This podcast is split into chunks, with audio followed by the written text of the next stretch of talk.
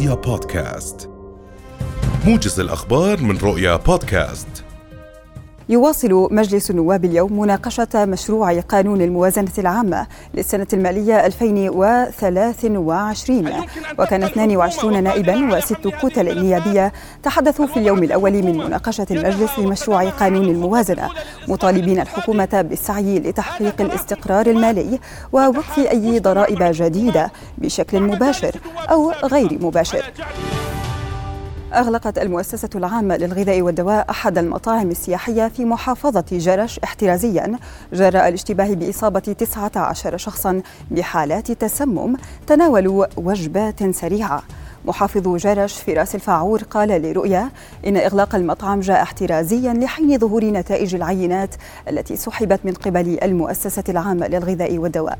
وأشار إلى أن جميع الحالات تناولوا الوجبات مساء السبت ثم ظهرت عليهم أعراض التسمم وجرى نقلهم إلى مستشفى جرش الحكومي.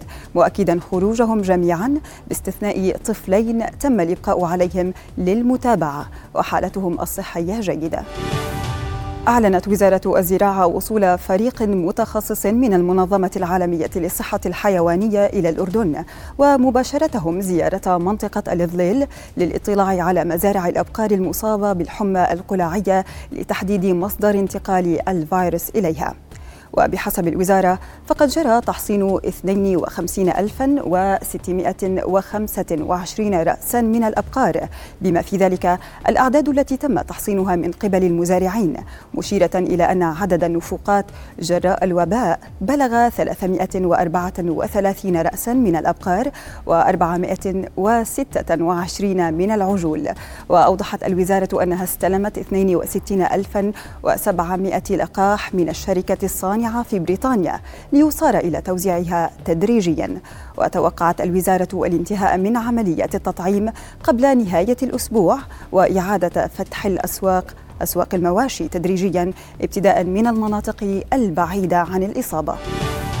استشهد طفل فلسطيني من مخيم الفارعة بمحافظة طوباس شمال شرق الضفة الغربية متأثرا بإصابته برصاص الاحتلال في الرأس خلال اقتحام المخيم صباح اليوم.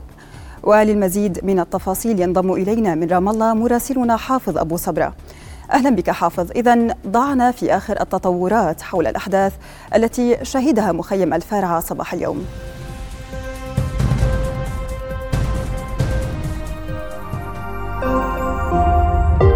رؤيا بودكاست.